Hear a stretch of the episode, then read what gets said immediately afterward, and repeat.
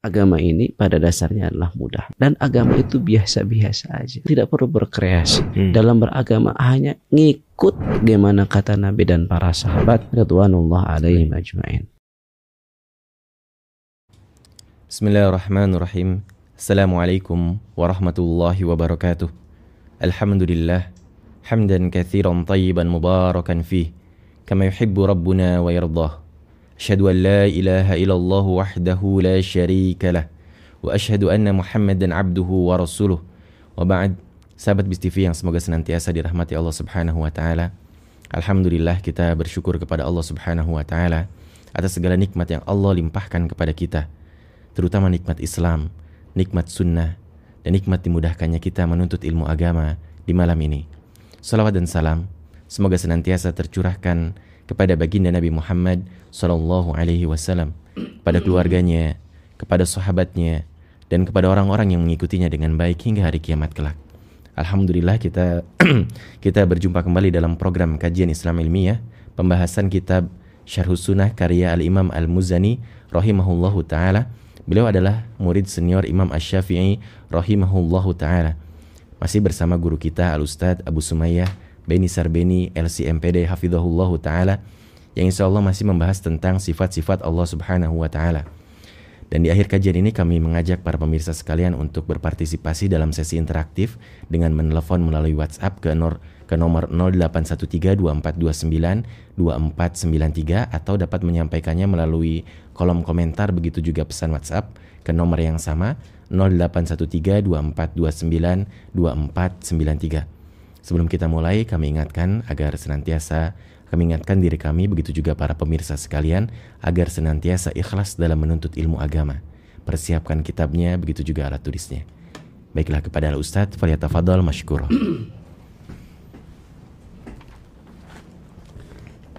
Assalamualaikum warahmatullahi wabarakatuh. Waalaikumsalam warahmatullahi wabarakatuh.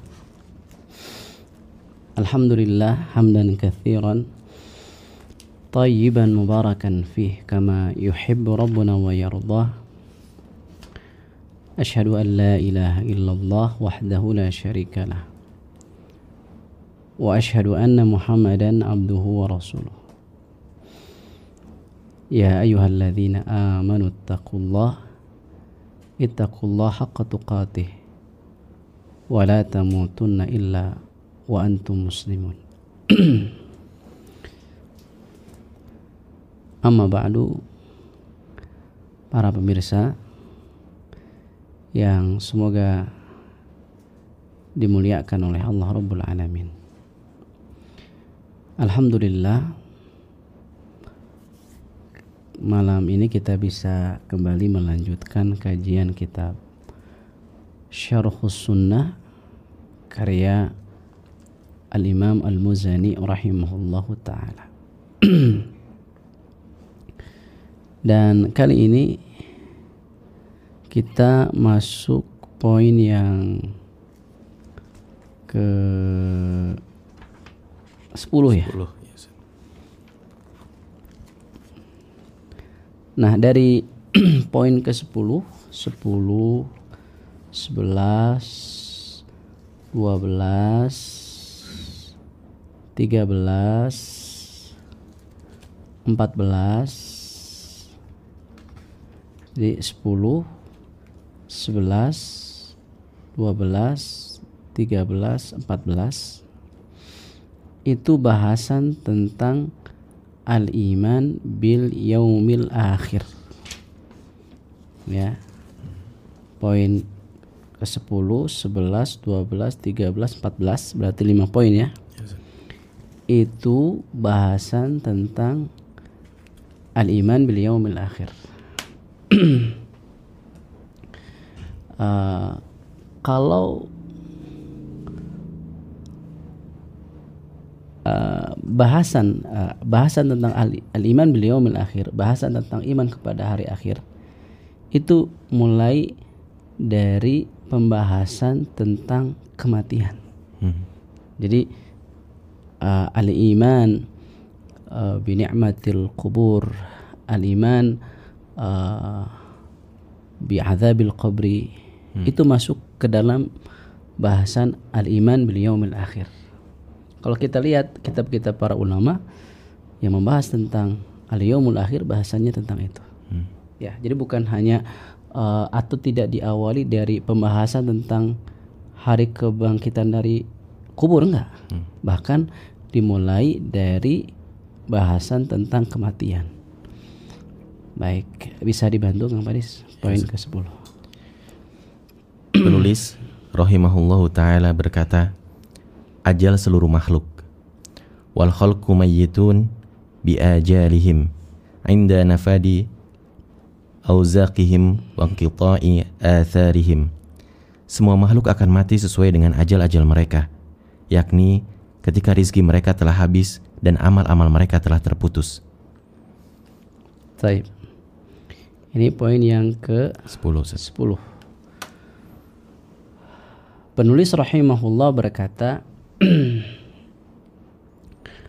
wal khalqu mayyituna bi ajalihim dan seluruh makhluk mayyitun akan mati hmm.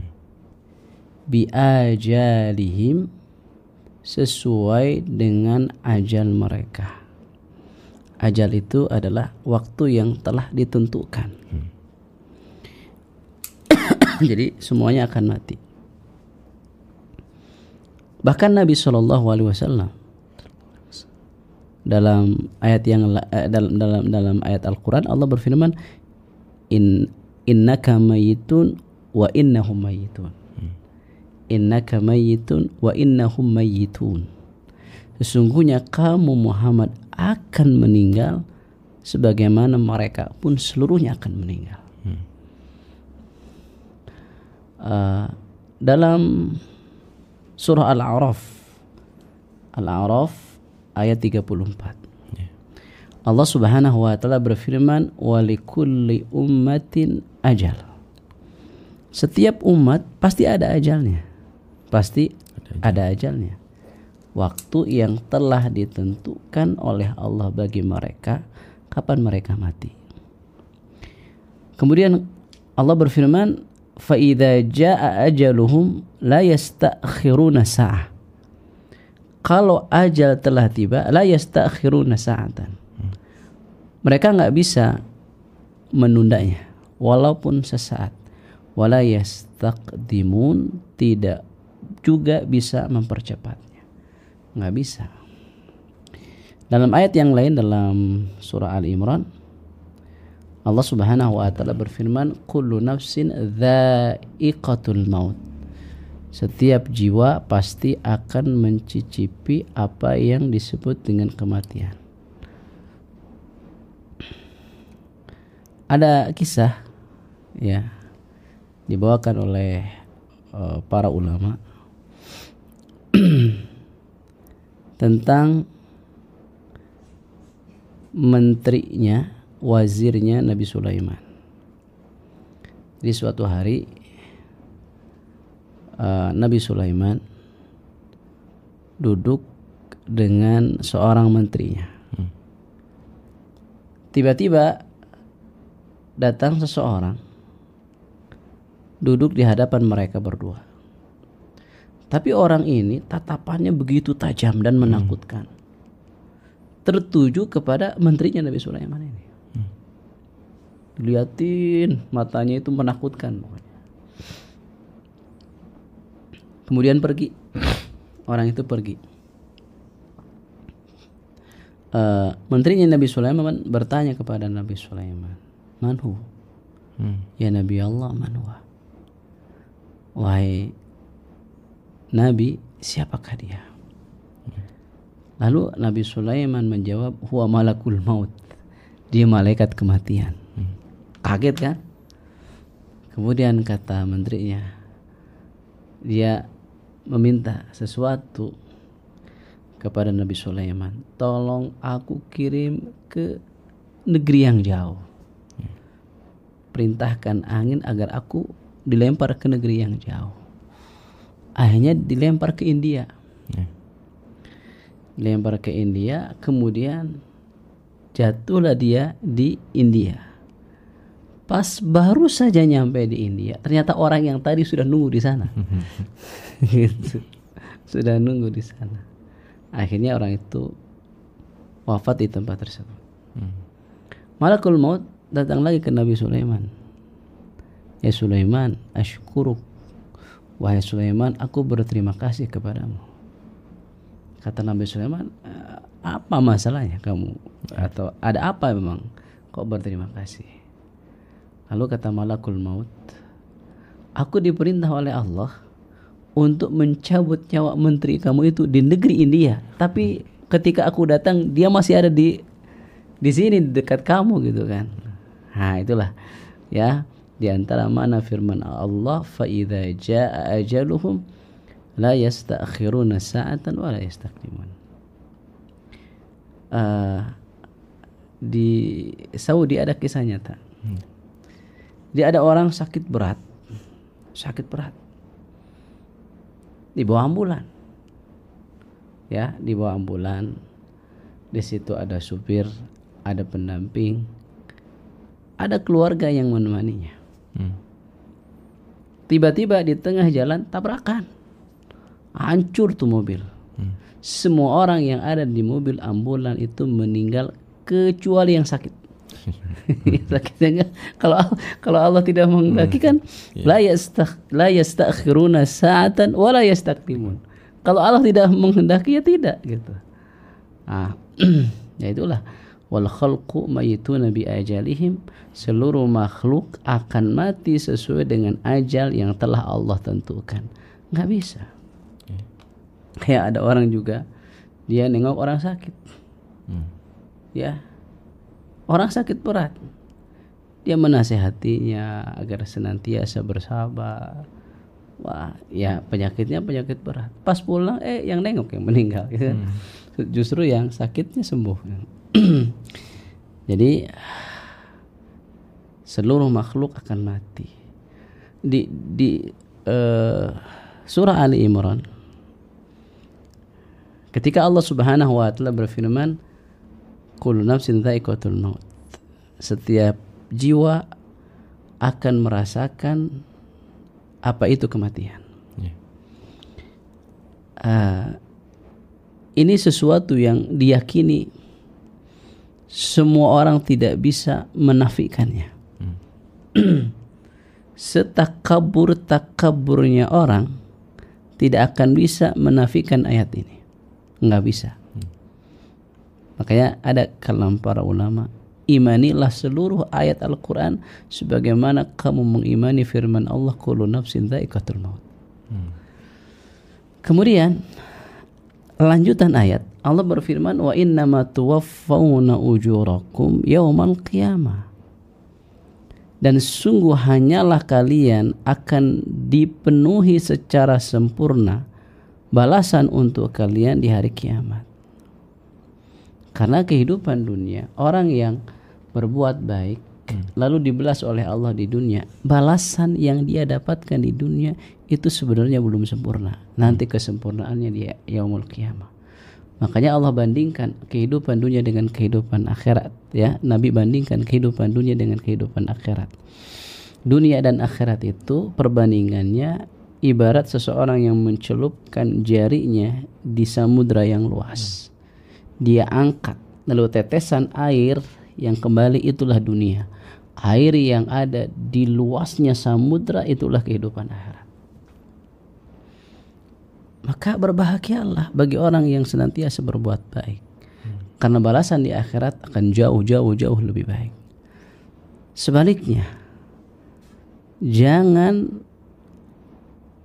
bermudah-mudahan atau menyepelekan perbuatan buruk. Hmm. Kalaupun seseorang dibalas oleh Allah di dunia, ingat balasan di akhirat jauh lebih berat. Gitu. Ya, walikulli ummatin ajal.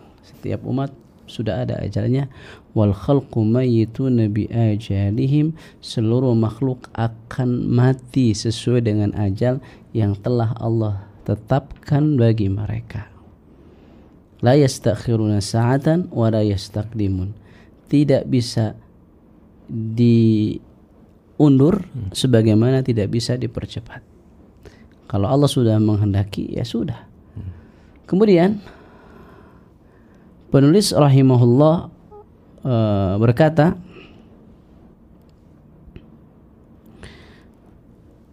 Inda nafadi arzakihim. Kapan kapan mereka itu meninggal? Inda nafadi arzakihim ketika rezeki mereka telah habis. Jadi kalau ada orang meninggal, yeah. kalau ada orang meninggal, lalu kita ditanya, kenapa dia meninggal? Karena rezekinya sudah habis, gitu. Hmm. Karena rezekinya sudah habis.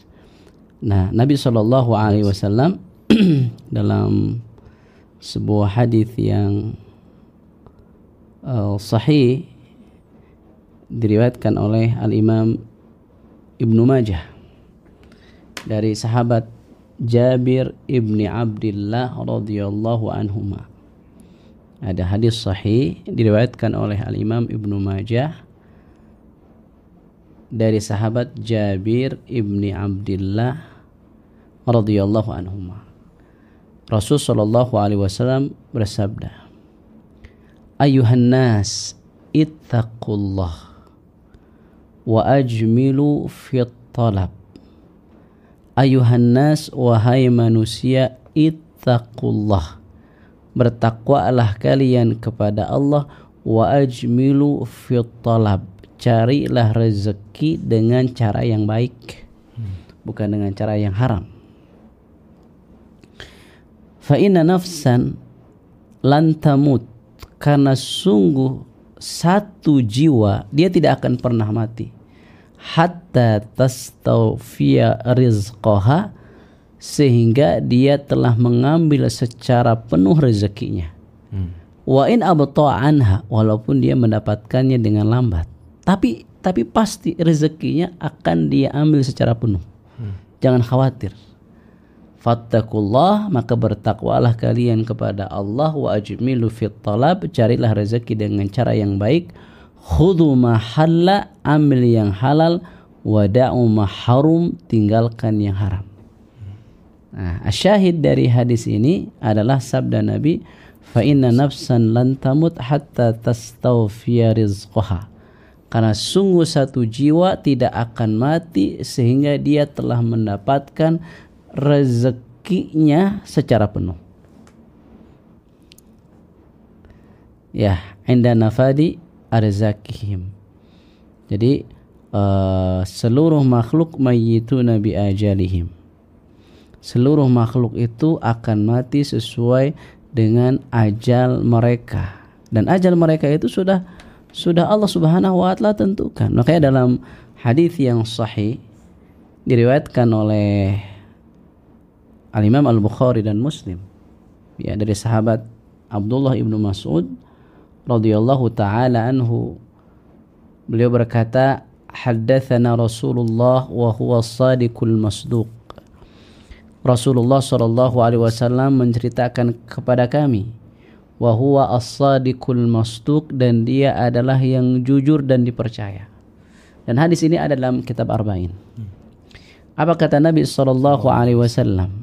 Inna ahadakum yujma'u khalquhu fi batni ummihi arba'ina yauman. Sesungguhnya salah seorang di antara kalian dikumpulkan penciptaannya di dalam perut ibunya selama 40 hari. 40 hari dalam bentuk nutfah. 40 hari dalam bentuk sperma. Thumma yakunu alaqatan mithla dhalik. Kemudian dalam bentuk alaqah. Uh, segumpal darah Mithla dhalik 40 hari. 40 40 berarti 80 hari. Makanya kalau kalau seseorang keguguran usianya 80 hari. Ya. Usianya 80 hari. Maka itu istihadah. Hmm. Tarah, penyakit. Hmm. Bukan nifas. Ya. Thumma yakunu mudghatan mithla dhalik. Kemudian menjadi uh, daging dalam waktu 6 40 hari. 40 40 40 berarti 120. Kalau keguguran usia 120, ah itu nifas. Hmm. Gitu. Ya. Adapun jarak antara 80 dan 120 nah itu periksa. Kalau sudah membentuk itu nifas. Kalau tidak membentuk itu bukan nifas. Hmm. Taib. Jadi 40 nutfah. Ya. 40 hari uh, alaqah segumpal eh darah. Darah. 40 hari Mudghah. uh, mudghah daging. Kemudian thumma yab'atsullahu malakan setelah 120 hari tadi kemudian Allah mengutus seorang malaikat fayu'mar bi arba kalimat diperintah untuk menuliskan empat kalimat. Wa yuqalu lahu dan dikatakan kepadanya uktub amalahu. Tulis amalnya. Apa yang akan dia lakukan dalam seumur hidupnya di dunia ini warizqahu lihat. Warizqahu dan rezekinya. Tulis rezekinya. Wa ajalahu dan ajalnya. Kapan dia meninggal di mana dia meninggal sedang apa dia meninggal ah itu tuliskan. Wa syaqiyun aw sa'idun. Kemudian apakah dia orang yang sengsara atau orang yang bahagia? Itu sudah ditulis. Thumma yunfakhu fihi ruh kemudian ditiupkan kepadanya ruh. Dalam hadis ini, ah, Allah Allah Subhanahu wa taala memerintahkan kepada malaikat uktub amalahu wa rizqahu wa ajalahu. Tulis rezekinya, tulis ajalnya. Sudah ditentukan oleh Allah Subhanahu wa taala. Makanya tadi ah, bahwa seluruh makhluk apa? Mayitun wal khalqu mayitun bi ajalihim inda nafadi adzakihim wa atharihim.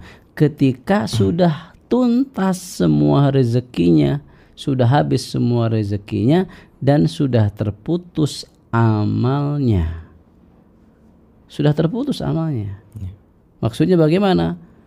Maksudnya kalau sudah meninggal maka dia tidak bisa beramal. Ini sesuai dengan apa yang disabdakan oleh Nabi, "Idza mata ibnu Adam in anhu amaluhu." Kalau anak Adam sudah meninggal terputus darinya seluruh amalnya, maka dia nggak bisa melakukan apa-apa. Orang yang meninggal nggak bisa kita minta. Allah telah eh, Nabi telah mengatakan in qata'a anhu amaluhu. Dan termasuk dalam hal ini Nabi Shallallahu Alaihi Wasallam tidak bisa diminta. Nabi Shallallahu Alaihi Wasallam tidak bisa diminta, sudah terputus amalnya. Ya, jadi nggak seperti yang dikatakan sebagian orang. Hmm. Nabi bisa diminta, nggak bisa. Ya. Bahkan sebagian orang mintanya kepada wali yang sudah meninggal. In anu amalu terputus amalnya, nggak bisa apa-apa. Orang sudah meninggal boro-boro sibuk untuk memenuhi kebutuhan orang yang masih hidup. Orang dia saja sibuk urusin dirinya sendiri. Jadi jangan sampai terperangkap oleh iblis. Karena meminta kepada yang sudah meninggal. Walaupun itu Rasul Shallallahu Alaihi Wasallam masuk dalam kategori kesyirikan. Ya, masuk dalam kategori kesyirikan. Jangan tertipu dengan perangkat perangkap iblis, terjelat dengan perangkap eh, iblis. Jadi indah nafadi arzakihim wan qita'i atharihim. Ketika sudah habis rezeki, demikian pula sudah terputus atharihim amal perbuatan mereka. Nggak bisa apa-apa lagi. Kalau sudah meninggal, yang ada penyesalan. Ya. Cuma berbeda penyesalan seseorang ketika hidup, penyesalan seseorang sudah mati. Manusia selama dia masih hidup, penyesalannya masih bermanfaat. Bahkan penyesalan ini menjadi salah satu syarat dari tobat kan gitu. Tapi ketika seseorang sudah meninggal, penyesalan itu tidak ada manfaatnya sama sekali. Baik, ya. Kemudian uh, penulis rahimahullahu taala berkata, "Thumma hum ba'da dhaghti fil qubur musa'alun." Kemudian setelah mereka dihimpit di alam kubur, maka mereka akan ditanya. Semua orang akan dihimpit dalam kubur. Nah, ini insya Allah kita lanjutkan Ya. pada pertemuan yang akan datang. Eh, ada sedikit faedah lagi. Jadi ingat tadi apa yang saya sampaikan bahwa uh, orang kalau sudah meninggal yeah. termasuk Nabi Shallallahu Alaihi Wasallam tidak bisa memenuhi kebutuhan kita makanya tidak boleh meminta kepada siapa saja yang sudah meninggal atau menjadikannya sebagai wasilah pelantara antara kita dengan Allah. Hmm. Karena itu dalam dalam kitab Thalathatul Usul kan ada pasal di situ. Hmm. Bahwa seluruh makhluk akan mati termasuk dalam hal ini baginda Nabi sallallahu alaihi wasallam. Lalu penulis membawakan firman Allah innaka mayitun wa innahum mayitun. Kamu akan meninggal sebagaimana mereka pun akan meninggal. Sudah selesai ketika berita wafatnya Rasul Shallallahu Alaihi Wasallam sampai kepada Umar ibn Khattab radhiyallahu taala anhu beliau marah hmm. marah sampai mengatakan pada siapa mengatakan bahwasanya Muhammad meninggalkan kupenggal lehernya sehingga setelah itu Abu Bakar As-Siddiq radhiyallahu taala anhu naik mimbar. Hmm. Abu Bakar As-Siddiq radhiyallahu taala anhu berkata, "Man kana ya'budu Muhammadan hmm. fa inna Muhammadan mat." Barang siapa yang beribadah menyembah Muhammad, sungguh Muhammad telah meninggal. Wa man kana ya'budu Allah fa inna Allah hayyun la yamut. Dan barang siapa yang menyembah Allah, sungguh Allah itu maha hidup dan tidak akan pernah mati. Nah ini poin yang sangat penting ya bahwa sama Nabi Muhammad Wasallam dalam hal ini wafat dalam hal ini meninggal dan Nabi Shallallahu Alaihi Wasallam ya sebagaimana yang disabdakan oleh Nabi bahwa setiap Nabi akan dimakamkan dikubur di tempat dia meninggal. Hmm. Dan Nabi Shallallahu Alaihi Wasallam wafat di kamar Aisyah, Aisyah radhiyallahu taala sehingga Nabi pun dikubur di situ. Hmm. Taib. Ini di antara faedah tambahan. Taib. Syukran jazakumullah khairan atas jawab uh, atas ilmu yang disampaikan semoga menjadi ilmu yang bermanfaat bagi kita semua. Amin Allahumma amin kita memasuki sesi interaktif. Ya, para pemirsa sekalian, semoga senantiasa dirahmati Allah Subhanahu wa taala dapat mengajukan pertanyaannya melalui telepon WhatsApp ke 081324292493 atau dapat menyampaikannya melalui kolom komentar begitu juga pesan WhatsApp ke 081324292493. Baik Ustaz, kita angkat pertanyaan dari pesan WhatsApp. Saya Fatimah dari Pontianak, Kuburaya Sungai Kakap. Izin bertanya Pak Ustadz, saya pernah mendengar hadis tentang haram mencukur bulu alis. Sedangkan di lingkungan saya, orang yang akan menikah harus dicukur alis walaupun sedikit.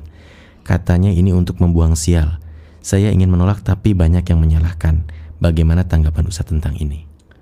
Taib. Uh, dari apa yang ditanyakan itu ada dua kekeliruan. Hmm. Yang pertama terkait dengan memotong alisnya, yeah. mencukur alisnya. Yang kedua terkait dengan menganggap sial hmm. pada sesuatu yang tidak ada keterangannya. Yeah. Yang kedua ini lebih berat, hmm. ya lebih berat lagi. Itu termasuk totoyur, yeah. menganggap sial dan menganggap sial itu itu syirik askor yeah. yang tidak boleh. Nah, ini lebih berat daripada uh, sekedar mencukur alisnya. Hmm. Lalu bagaimana sikap kita? Tegas menolak, nggak mau. Yeah. Harus ada ketegasan. Ya, wallahu a'lam. Tapi syukran atas jawabannya. Semoga dipahami oleh penanya. Belum ada pertanyaan masuk lagi. Mungkin ada penutup untuk kajian malam ini. Cukup insya Allah. Cukup ya, Hmm. Baiklah sahabat BSTV yang dimuliakan Allah Subhanahu wa taala. Terima kasih atas kebersamaannya dan terima kasih telah mengajukan pertanyaan. Insya Allah kita berjumpa kembali dalam program kajian Islam ilmiah yang berikutnya dan kami mohon undur diri, mohon maaf atas segala kekurangan. Subhanaka Allahumma wa bihamdika asyhadu an la ilaha illa anta astaghfiruka wa atubu ilaik. Wassalamualaikum warahmatullahi wabarakatuh. Agama itu sudah cukup karena dengan apa yang diajarkan Rasul dan dipraktikkan oleh para sahabat. Belajar Islam, berilmu sebelum berucap dan beramal.